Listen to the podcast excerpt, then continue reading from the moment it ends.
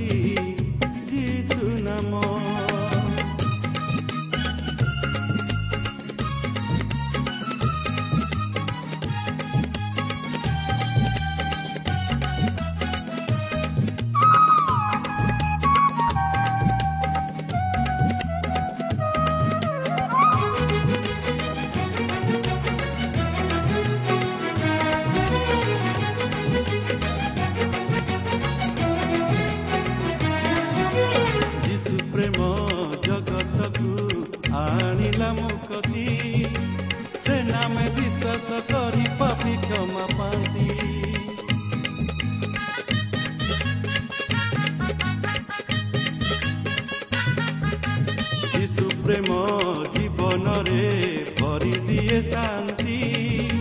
ସେ ନାମରେ ଦୂର ହୁଏ ସବୁ ଭୟ ଭ୍ରାନ୍ତି। ଅନୁପମ ସେଇ ପ୍ରେମ ପ୍ରିୟତମ ସେଇ ନାମ। ଅନୁପମ ସେଇ ପ୍ରେମ ପ୍ରିୟତମ ସେଇ ନାମ। ସତତି ଯେ କାମର ସେଇ ନାମରେ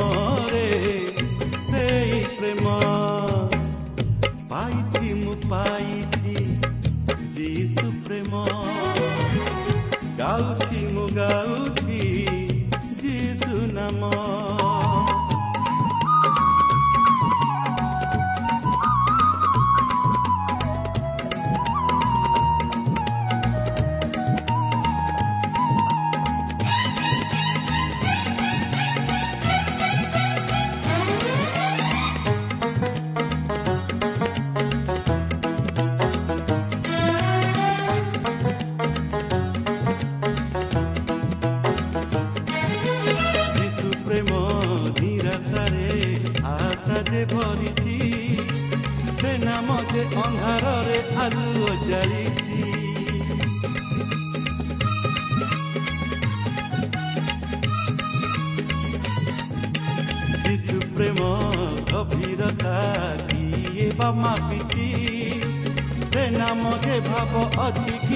କିଏ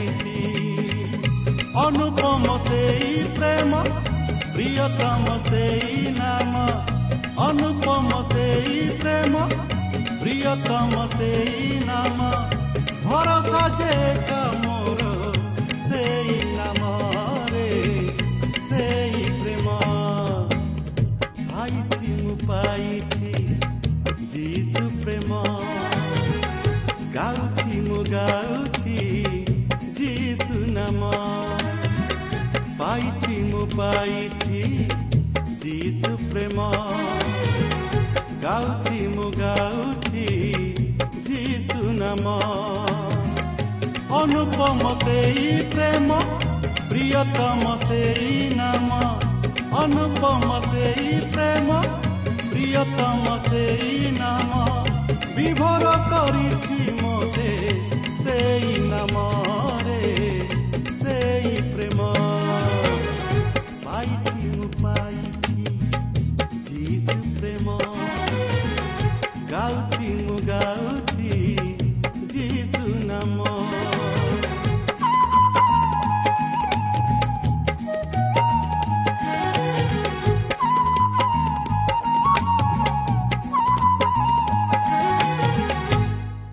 ପ୍ରିୟ ଶ୍ରୋତା ବନ୍ଧୁ ଆଜିର ଏହି ଶୁଭ ଅବସରରେ ଆମମାନଙ୍କର ପଥ ପ୍ରଦର୍ଶିକା ବେତାର ଅନୁଷ୍ଠାନ ତରଫରୁ ଆପଣଙ୍କୁ ହାର୍ଦ୍ଦିକ ପ୍ରୀତି ଶୁଭେଚ୍ଛା ଓ ଅଭିନନ୍ଦନ ଜ୍ଞାପନ କରୁଅଛୁ। ପ୍ରଭୁ ଆପଣଙ୍କୁ ଆଶୀର୍ବାଦ କରନ୍ତୁ ଆଉ ସେ ଆପଣଙ୍କର ମନୋବାଞ୍ଛା ପୂର୍ଣ୍ଣ କରନ୍ତୁ। ଆମର ବିଶ୍ୱାସ ଆପଣ ଯଦି ଏହି କାର୍ଯ୍ୟକ୍ରମ ନିୟମିତ ଶୁଣିବେ ତାହେଲେ ଆପଣ ପ୍ରଭୁଙ୍କ ବିଷୟରେ ଅଧିକରୁ ଅଧିକ ଜାଣିବା ସଙ୍ଗେ ସଙ୍ଗେ ପାପରୁ ଉଦ୍ଧାର ପାଇବାର ପଥ ପାଇପାରିବେ। ଓ ଜୀବନରେ ବାସ୍ତବ ଶାନ୍ତି ଓ ଆନନ୍ଦ ପ୍ରାପ୍ତ ହୋଇପାରିବେ। ଆସନ୍ତୁ ପ୍ରଭୁଙ୍କର ବାକ୍ୟ ମଧ୍ୟକୁ ଯିବା ପୂର୍ବରୁ ସଂକ୍ଷେପରେ ପ୍ରାର୍ଥନା କରିବା।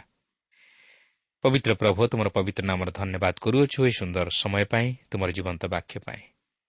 ହଁ ପ୍ରଭୁ ଯଦିଓ ଆମମାନେ ଅଯୋଗ୍ୟ ଅପଦାର୍ଥ ମନୁଷ୍ୟ ମାତ୍ର ପ୍ରଭୁ ତୁମର ଦୟା ତୁମର ଅନୁଗ୍ରହ ତୁମର ପ୍ରେମ ତୁମେ ଆମମାନଙ୍କ ଜୀବନ ପ୍ରତି କେବେ ହେଲେ ଉଣା କରିନାହଁ। ସେଥିପାଇଁ ପ୍ରଭୁ ତୁମେ ଆଜି ଆମମାନଙ୍କୁ ସୁଯୋଗ ଦେଇଛ ଯେପରି ଆମମାନେ ତୁମର ବାକ୍ୟ ମଧ୍ୟ ଦେଇ ତୁମର ସ୍ୱର ଶୁଣିବାକୁ ପାରୁ। ଆଉ ପାପରେ ବିନଷ୍ଟ ନ ହୋଇ ପାପରୁ ଉଦ୍ଧାରପ୍ରାପ୍ତ ହୋଇ ଅନନ୍ତ ଜୀବନର ଅଧିକାରୀ ହେବାକୁ ପାରୁ। ତେଣୁ ପବିତ୍ର ପ୍ରଭୁ ସେହି ଆଶା ଭରସା ନେଇ ଆମେ ତୁମ ନିକଟକୁ ଆସୁଅଛୁ। ପ୍ରଭୁ ତୁମର ବାକ୍ୟ ମଧ୍ୟ ଦେଇ ତୁମେ ଆମମାନଙ୍କ ସହିତ କଥା କୁହ। ଆମମାନଙ୍କର ସମସ୍ତ ପାପ ଦୋଷ ଅଯୋଗ୍ୟତା ତୁମେ ମାର୍ଚ୍ଚନା କରି କ୍ଷମା କରି ପ୍ରଭୁ ଆମମାନଙ୍କୁ ଏକ ନୂତନ ଜୀବନଯାପନ କରିବା ପାଇଁ ତୁମେ ସାହାଯ୍ୟ କର ଶକ୍ତି ଦିଅ। ତୁମର ସେହି ଉଦ୍ଧାରର ପଥରେ ଆମମାନଙ୍କୁ କଢ଼ାଇ ନିଅ। ତୁମର ଇଚ୍ଛା ଅଭିମତ ପ୍ରଭୁ ତୁମେ ଆମ ପ୍ରତ୍ୟେକଙ୍କ ଜୀବନରେ ସଫଳ କର। ଏ ସମସ୍ତ ପ୍ରାର୍ଥନା ଆମମାନଙ୍କର ଉଦ୍ଧାରକର୍ତ୍ତା ଜୀବିତ ପୁନରୁତ୍ଥିତ ପ୍ରିୟ ପ୍ରଭୁ ଯୀଶୁଙ୍କ ନାମରେ ଅଳ୍ପ ଭିକ୍ଷା ମାଗୁଅଛୁ।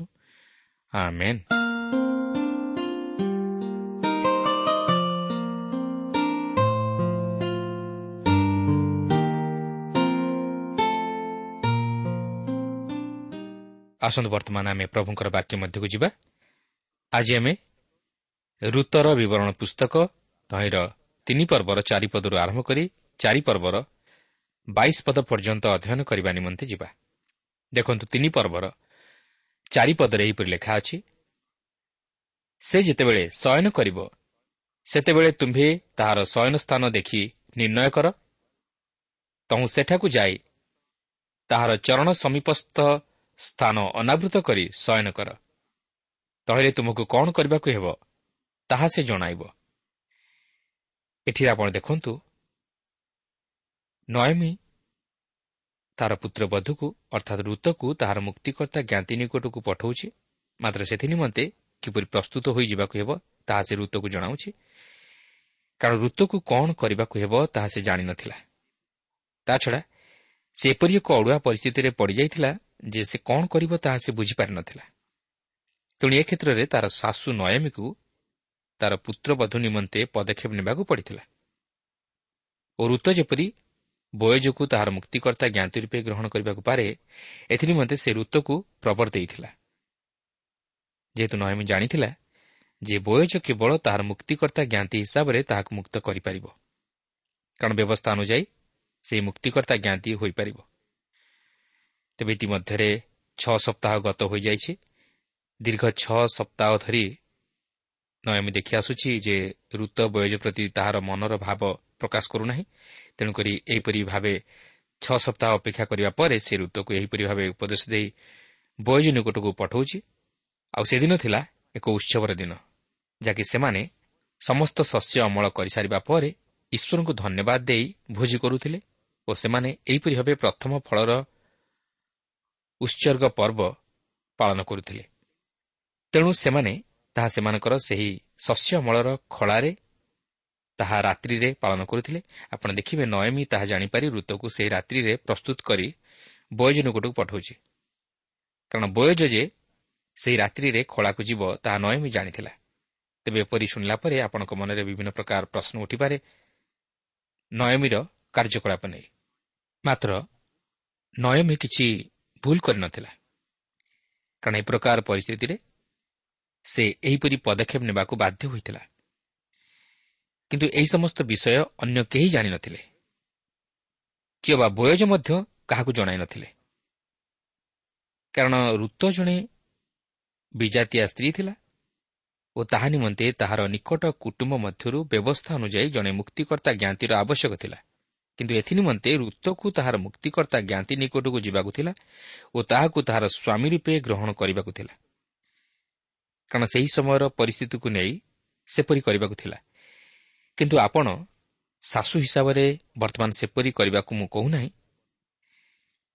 କିନ୍ତୁ ବର୍ତ୍ତମାନ ଲକ୍ଷ୍ୟ କରିବେ ଯେ ନୟମୀ ଋତୁକୁ ତାହାର ମୁକ୍ତିକର୍ତ୍ତା ଜ୍ଞାତି ବୟଜ ନିକଟକୁ ଯିବା ନେଇ କେତେକ ଉପଦେଶ ଦେଉଅଛି ଯେପରି ସେ ତାହାର ମୁକ୍ତିକର୍ତ୍ତା ଜ୍ଞାତି ନିକଟରେ ଗୃହୀତ ହୋଇପାରିବ।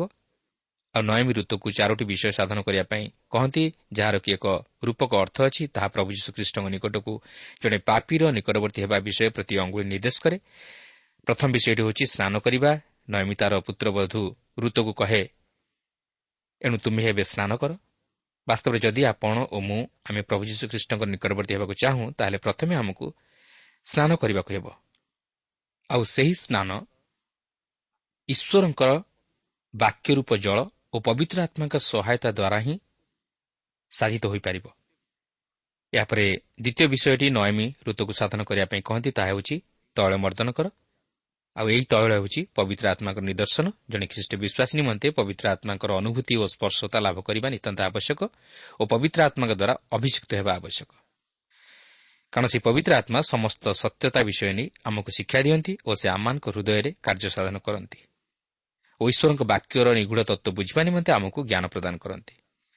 ତେଣୁ ଯେପର୍ଯ୍ୟନ୍ତ ପବିତ୍ର ଆତ୍ମା ଆମମାନଙ୍କ ହୃଦୟରେ କାର୍ଯ୍ୟ ସାଧନ କରିନାହାନ୍ତି ସେ ପର୍ଯ୍ୟନ୍ତ ଆମ ଜୀବନରେ ପରିବର୍ତ୍ତନ ଘଟିନଥାଏ କି ଆମେ ନିଜକୁ ପାପି ବୋଲି ଚିହ୍ନି ପାରିନଥାଉ ଯଦ୍ୱାରା ଆମେ ପ୍ରଭୁ ଯୀଶୁ ଖ୍ରୀଷ୍ଟଙ୍କୁ ଉଦ୍ଧାରକର୍ତ୍ତା ରୂପେ ଗ୍ରହଣ କରିପାରିନଥାଉ ତେଣୁ ପ୍ରଭୁ ଯୀଶୁ ଖ୍ରୀଷ୍ଟଙ୍କର ନିକଟବର୍ତ୍ତୀ ହେବାକୁ ହେଲେ ସେହି ପବିତ୍ର ଆତ୍ମାଙ୍କ ଦ୍ୱାରା ଆମକୁ ଅଭିଷିକ୍ତ ହେବାକୁ ହେବ। ଏହାପରେ ତୃତୀୟ ବିଷୟଟି ନୟମୀ ଋତୁକୁ ସାଧନ କରିବା ପାଇଁ କହନ୍ତି ତାହା ହେଉଛି ଆପଣା ଉତ୍ତମ ବସ୍ତ୍ର ପରିଧାନ କର। ଏହି ବସ୍ତ୍ର ପ୍ରଭୁ ଶ୍ରୀଖ୍ରୀଷ୍ଟଙ୍କ ଧାର୍ମିକତା ରୂପ ବସ୍ତ୍ର। ଏହା ଖ୍ରୀଷ୍ଟଙ୍କ ଧାର୍ମିକତାର ନିଦର୍ଶନ। ଏହି ସେହି ଧାର୍ମିକତାର ବସ୍ତ୍ର ଯାହାକି ପ୍ରଭୁ ଶ୍ରୀଖ୍ରୀଷ୍ଟଙ୍କଠାରେ ବିଶ୍ୱାସ କରିବା ଦ୍ୱାରା ଆମେ ସେହି ଧାର୍ମିକତାର ବସ୍ତ୍ର ପ୍ରାପ୍ତ ହେଉ। ତେଣୁ ପ୍ରଭୁ ଶ୍ରୀଖ୍ରୀଷ୍ଟଙ୍କ ନିକଟବର୍ତ୍ତୀ ହେବାକୁ ହେଲେ ତାହାଙ୍କଠାରେ ଦୃଢ଼ ବିଶ୍ୱାସ ସ୍ଥାପନ କରିବାକୁ ହେବ ତାହେଲେ ଆମେ ତାହାଙ୍କର ସେହି ଧାର୍ମିକତା ରୂପ ବସ୍ତ୍ର ପରିଧାନ କରିପାରିବା। ଏହାପରେ ଚତୁର୍ଥ ବିଷୟଟି ନୟମୀ ଋତୁକୁ ସାଧନ କରିବା ପାଇଁ କହନ୍ତି ତାହା ହେଉଛି ଋତ ତୁମେ ତାହାର ନିକଟକୁ ଯାଅ ଓ ତାହାକୁ ତୁମ୍ଭର ପରିଚୟ ଦିଅ ଓ ତୁମ୍ଭେ ଯେ ତାହାକୁ ଆପଣାର ଉଦ୍ଧାରକର୍ତ୍ତା ଜ୍ଞାତି ହିସାବରେ ଗ୍ରହଣ କରିବା ପାଇଁ ଯାଉଅଛ ଏହା ତାହାଙ୍କ ନିକଟରେ ପ୍ରକାଶ କର।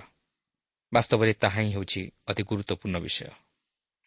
ଆମେ ପ୍ରଭୁ ଯୀଶୁଖ୍ରୀଷ୍ଟଙ୍କ ବିଷୟରେ ଅଧିକ କିଛି ଜାଣିବାକୁ ଚାହୁଁ ଓ ତାହାଙ୍କର ବାକ୍ୟ ଅଧ୍ୟୟନ କରୁ। ମାତ୍ର ଆମେ ତାହାଙ୍କର ନିକଟବର୍ତ୍ତୀ ହେବାକୁ ଚାହୁଁନା କି ତାହାଙ୍କୁ ନିଜ ହୃଦୟରେ ଉଦ୍ଧାରକର୍ତ୍ତା ରୂପେ ଗ୍ରହଣ କରିବା ପାଇଁ ଚାହୁଁନା ତାହା ହେଉଛି ଆମର ଦୁର୍ବଳତା ଖ୍ରୀଷ୍ଟଙ୍କ ବିଷୟରେ ଜାଣିଦେଲେ ଯଥେଷ୍ଟ ନୁହେଁ ବା ଆପଣ ଉଦ୍ଧାର ପାଇଯିବେ ନାହିଁ ମାତ୍ର ଖ୍ରୀଷ୍ଟଙ୍କୁ ଜାଣିଲେ ଓ ଖ୍ରୀଷ୍ଟଙ୍କ ନିକଟକୁ ଯାଇ ତାହାଙ୍କଠାରେ ବିଶ୍ୱାସ କରି ତାହାଙ୍କୁ ନିଜର ହୃଦୟରେ ବ୍ୟକ୍ତିଗତ ଉଦ୍ଧାରକର୍ତ୍ତା ରୂପେ ଗ୍ରହଣ କଲେ ଆପଣ ପାପରୁ ଉଦ୍ଧାର ପ୍ରାପ୍ତ ହୋଇପାରିବେ। ସେଦିନ ଋତୁକୁ ତାହା ସାଧନ କରିବା ନିମନ୍ତେ ଯଥେଷ୍ଟ ବିଶ୍ୱାସ ଭରସା ଓ ସାହସ ମନରେ ବାନ୍ଧିବାକୁ ପଡ଼ିଥିଲା। ଯଦି ସେ ମନ ମଧ୍ୟରେ କୌଣସି ଦ୍ୱନ୍ଦ୍ୱ ରଖିଥାନ୍ତା କିମ୍ବା ସମାଜକୁ ଭୟ କରିଥାନ୍ତା ତାହେଲେ ସେ କ'ଣ ଆପଣା ଶାଶୁର କହିବା ଅନୁଯାୟୀ ତାହା କରିପାରିଥାନ୍ତା? କେବେ ନୁହେଁ। ତାଛଡ଼ା ସେ ଜଣେ ବିଜାତିଆ ସ୍ତ୍ରୀ ଥିଲା ଓ ସେ ମଧ୍ୟ ବିଧବା ଥିଲା। ପ୍ରିୟ ବନ୍ଧୁ ଆପଣ ଯେ କେହି ହୁଅନ୍ତୁ ନା କାହିଁକି ଆପଣ ଯେତେ ପାପ କରିଥାନ୍ତୁ ନା କାହିଁକି ଯଦି ଆପଣ ଦୃଢ଼ ବିଶ୍ୱାସର ସହିତ ପ୍ରଭୁ ଯୀଶୁଙ୍କର ନିକଟବର୍ତ୍ତୀ ହୁଅନ୍ତି ଓ ମନ ମଧ୍ୟରେ କୌଣସି ପ୍ରକାର ସନ୍ଦେହ ନ ରଖି ଖ୍ରୀଷ୍ଟଙ୍କ ଉପରେ ସମ୍ପୂର୍ଣ୍ଣ ଆଉଜି ପଡ଼ନ୍ତି ତାହେଲେ ସେ ଆପଣଙ୍କୁ କେବେ ହେଲେ ପାଦରେ ଠେଲିଦେବେ ନାହିଁ। ବା ଆପଣଙ୍କୁ ଦୂରେଇ ଦେବେ ନାହିଁ। ମାତ୍ର ଆପଣଙ୍କୁ ପାପରୁ ଉଦ୍ଧାର କରି ତାହାଙ୍କ ସନ୍ତାନ ହେବାର ଅଧିକାର ଦେବେ। ତେବେ ଏଠାରେ ଲକ୍ଷ୍ୟ କରିବାର ବିଷୟ ହେଉଛି ଋତ ତାହାର ଶାଶୁ ନୟମୀର ଉପଦେଶ ଅନୁଯାୟୀ କାର୍ଯ୍ୟ କରିବା ଦ୍ୱାରା ସେ ତାହାର ମୁକ୍ତିକର୍ତ୍ତା ଜ୍ଞାତି ବୟଜ ନିକଟରେ ଗୃହୀତ ହୋଇପାରିଥିଲା।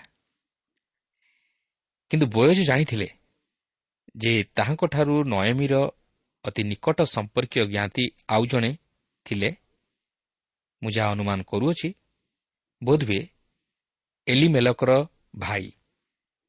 ତେଣୁ ବୟଜ ଋତୁକୁ କହିଲେ ଦେଖ ମୋଠାରୁ ନିକଟ ସମ୍ପର୍କୀୟ ଆଉ ଜଣେ ମୁକ୍ତିକର୍ତ୍ତା ଜ୍ଞାତି ଅଛି।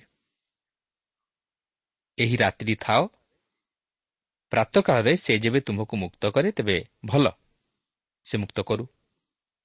ମାତ୍ର ଯେବେ ସେ ତୁମକୁ ମୁକ୍ତ ନ କରେ ତେବେ ଜୀବିତ ସଦାପ୍ରଭୁଙ୍କ ନାମରେ ସତ୍ୟ କହୁଅଛି ଯେ ମୁଁ ତୁମ୍ଭକୁ ମୁକ୍ତ କରିବି। କିନ୍ତୁ ଋତର ବୟଜ ନିକଟକୁ ଯିବା ଓ ଆସିବାର ବିଷୟ କେହି ଜାଣିନଥିଲେ। କାରଣ କେହି କାହାକୁ ଚିହ୍ନି ପାରିବା ସମୟ ପୂର୍ବେ ଋତ ସେଠାରୁ ଉଠି ପଳାଇ ଆସିଥିଲେ।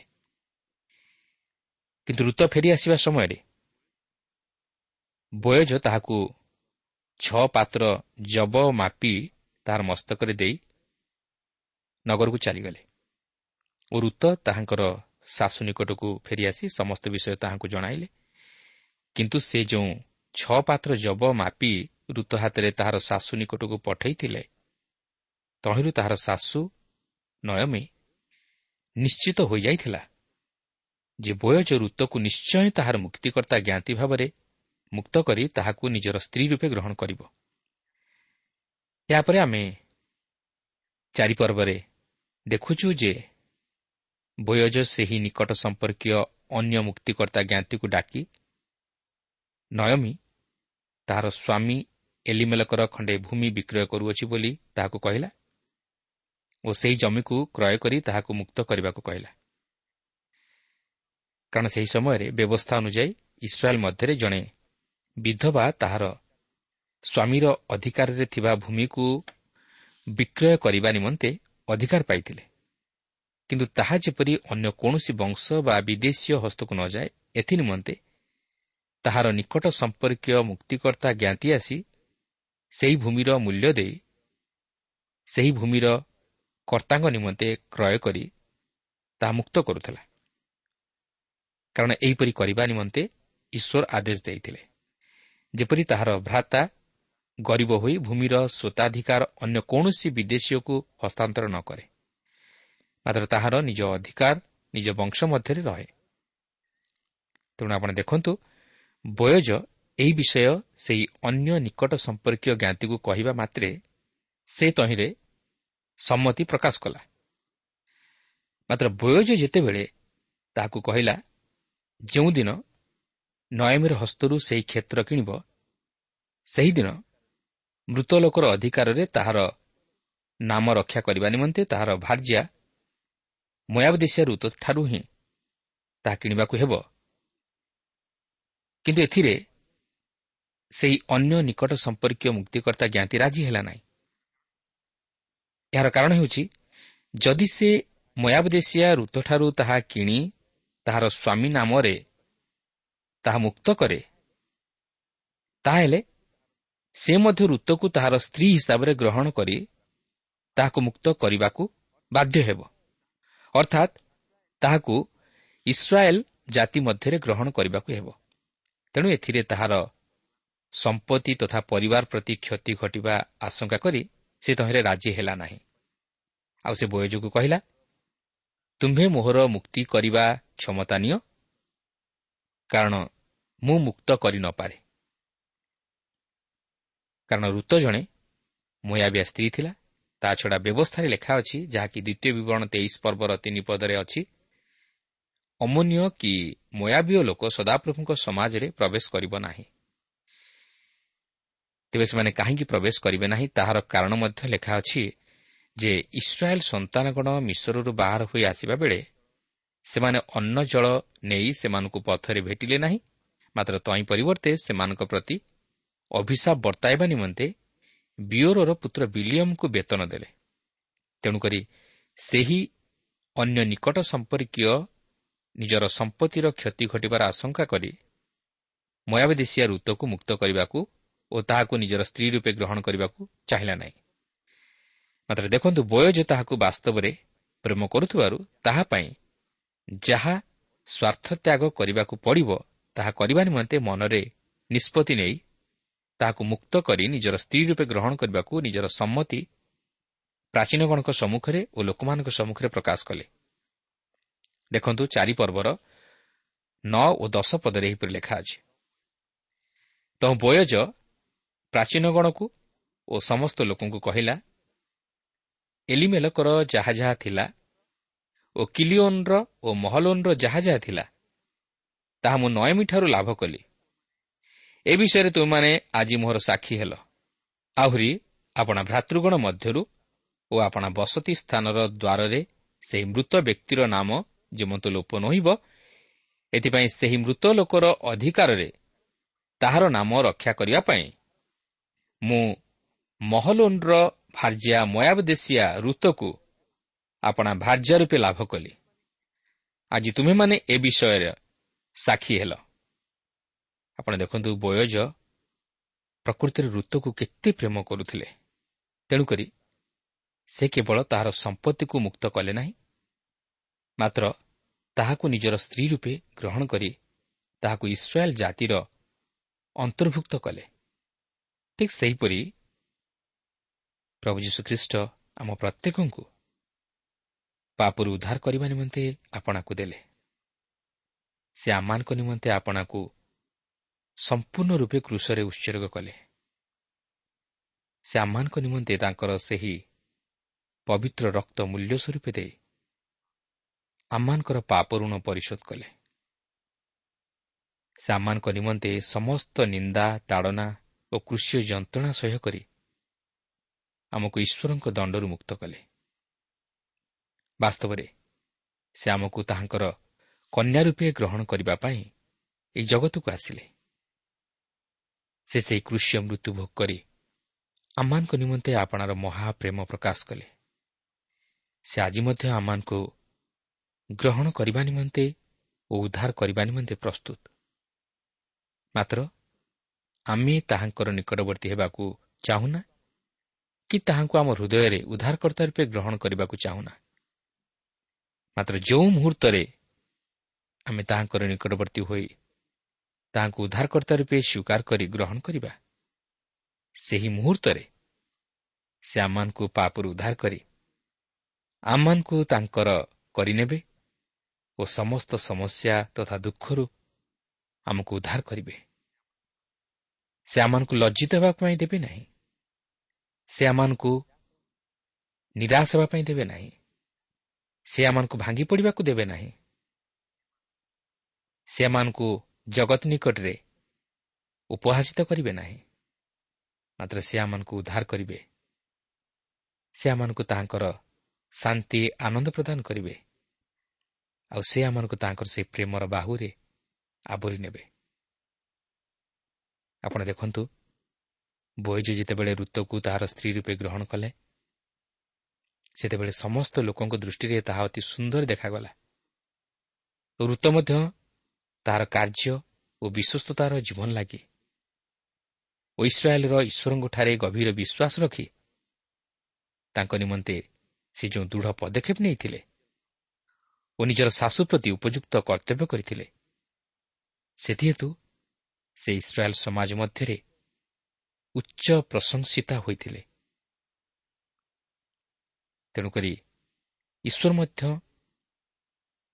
ତାହାର ସପକ୍ଷରେ ଥିଲେ ଓ ସେ ତାହାର ମୁକ୍ତିକର୍ତ୍ତା ଜ୍ଞାତି ବୋୟଜ ଦ୍ୱାରା ତାହାକୁ ମୁକ୍ତ କଲେ। ଓ ସେ ବିଜାତିଆ ସ୍ତ୍ରୀ ହେଲେ ମଧ୍ୟ ଇସ୍ରାଏଲ୍ ମଧ୍ୟରେ ସ୍ଥାନ ପାଇଥିଲା। ତେଣୁକରି ଆପଣ ଦେଖନ୍ତୁ ମାଥ୍ୟୁ ସୁଷମାଚାରର ପ୍ରଥମ ପର୍ବରେ ଯୀଶୁଖ୍ରୀଷ୍ଟଙ୍କର ବଂଶାବଳୀ ମଧ୍ୟରେ ମଧ୍ୟ ଋତଙ୍କର ନାମ ସ୍ଥାନ ପାଇଥିଲା।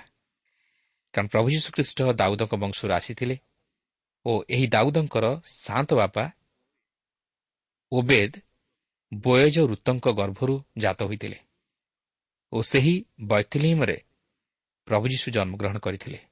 ସମଗ୍ର ମାନବ ଜାତିକୁ ପାପରୁ ଉଦ୍ଧାର କରିବା ନିମନ୍ତେ। ତେଣୁ ପ୍ରଭୁ ଯୀଶୁଖ୍ରୀଷ୍ଟଙ୍କର ଏହି ଜଗତକୁ ଆଗମନ କରିବାର ସତ୍ୟତା ଓ ତାହାଙ୍କ ବଂଶାବଳୀର ସତ୍ୟତା ଏହି ଋତୁର ବିବରଣ ପୁସ୍ତକରେ ସନ୍ନିବେଶିତ ହୋଇ ରହିଅଛି ଓ ତାହାଙ୍କର ବାସ୍ତବ ପ୍ରେମ ବୟଜ ଓ ଋତର ଦାମ୍ପତ୍ୟ ପ୍ରେମରୁ ହିଁ ପରିସ୍ଫୁଟ ହୁଏ। ଓ ସେ ଯେ ଆମମାନଙ୍କର ମୁକ୍ତିକର୍ତ୍ତା ଜ୍ଞାତି ବୟଜ ତହିଁର ନିଦର୍ଶନ। ପ୍ରିୟ ବନ୍ଧୁ ଏପର୍ଯ୍ୟନ୍ତ ଯଦି ଆପଣ ପ୍ରଭୁ ଯୀଶୁଙ୍କଠାରୁ ଦୂରବର୍ତ୍ତୀ ଜୀବନଯାପନ କରୁଅଛନ୍ତି ତାହେଲେ ସମୟ ଥାଉଁ ଥାଉଁ ତାହାଙ୍କର ନିକଟବର୍ତ୍ତୀ ହୋଇ ତାହାଙ୍କୁ ଉଦ୍ଧାରକର୍ତ୍ତା ରୂପେ ଗ୍ରହଣ କରନ୍ତୁ। ତେବେ ଆଜି ଆମେ ଏହିଠାରେ ଋତର ପୁସ୍ତକ ଅଧ୍ୟୟନ କରି ସମାପ୍ତ କଲୁ କିନ୍ତୁ ମୋର କହିବାର କଥା ଆଜି ଯଦି ଆମେ ଋତର ପରି ଜୀବନରେ ଏକ ଦୃଢ଼ ସିଦ୍ଧାନ୍ତ ନେଇ ଈଶ୍ୱରଙ୍କ ନିମନ୍ତେ ଛିଡ଼ା ହେଉ ଓ ପ୍ରଭୁ ଯୀଶୁଖ୍ରୀଷ୍ଟଙ୍କୁ ଆମ ହୃଦୟରେ ଉଦ୍ଧାରକର୍ତ୍ତା ରୂପେ ସ୍ଥାନ ଦେଉ। ତାହେଲେ ଆମେ ବିନଷ୍ଟ ନ ହୋଇ ସେହି ଈଶ୍ୱରଙ୍କର ସହଭାଗିତା ଲାଭ କରିପାରିବା ଓ ସେହି ଅନନ୍ତ ଜୀବନରେ ପ୍ରବେଶ କରି ଅନନ୍ତକାଳ ସ୍ୱର୍ଗୀୟ ସୁଖ ଓ ଶାନ୍ତି ଲାଭ କରିପାରିବା। ବ୍ରହ୍ମ ପ୍ରତ୍ୟେକଙ୍କୁ ଆଶୀର୍ବାଦ କରନ୍ତୁ।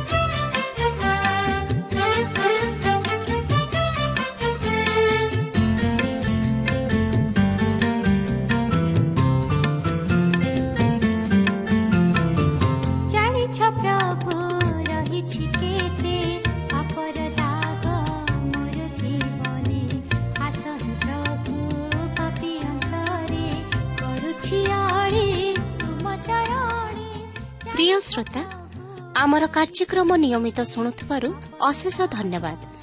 ଆପଣ ଏହି କାର୍ଯ୍ୟକ୍ରମ ଶୁଣିବା ଦ୍ୱାରା ଆତ୍ମିକ ଜୀବନରେ ଉପକୃତ ହୋଇପାରିଥିବେ ବୋଲି ଆମର ବିଶ୍ୱାସ। ପ୍ରଭୁ ଯୀଶୁଙ୍କ ବିଷୟରେ ଅଧିକ ଜାଣିବାର ଆଗ୍ରହ ଥିଲେ ଅଥବା ଉପାଦେୟ ପୁସ୍ତକର ଆବଶ୍ୟକ ଥିଲେ ଆମ ସହ ଯୋଗାଯୋଗ କରନ୍ତୁ। ଆମର ଠିକଣା ପଥ ପ୍ରଦର୍ଶିକା Trans Radio India post box number ତିନି ତିନି ଭୁବନେଶ୍ୱର ଏକ double seven double two one four one five ଠିକଣାଟି ଆଉଥରେ ଶୁଣନ୍ତୁ।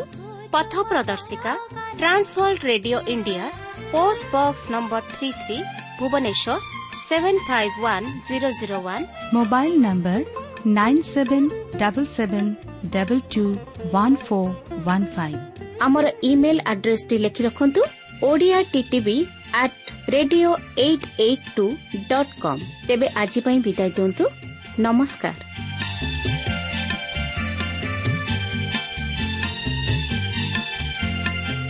जीवन मोर तुमरी दान आशिष पाए परिछि मन।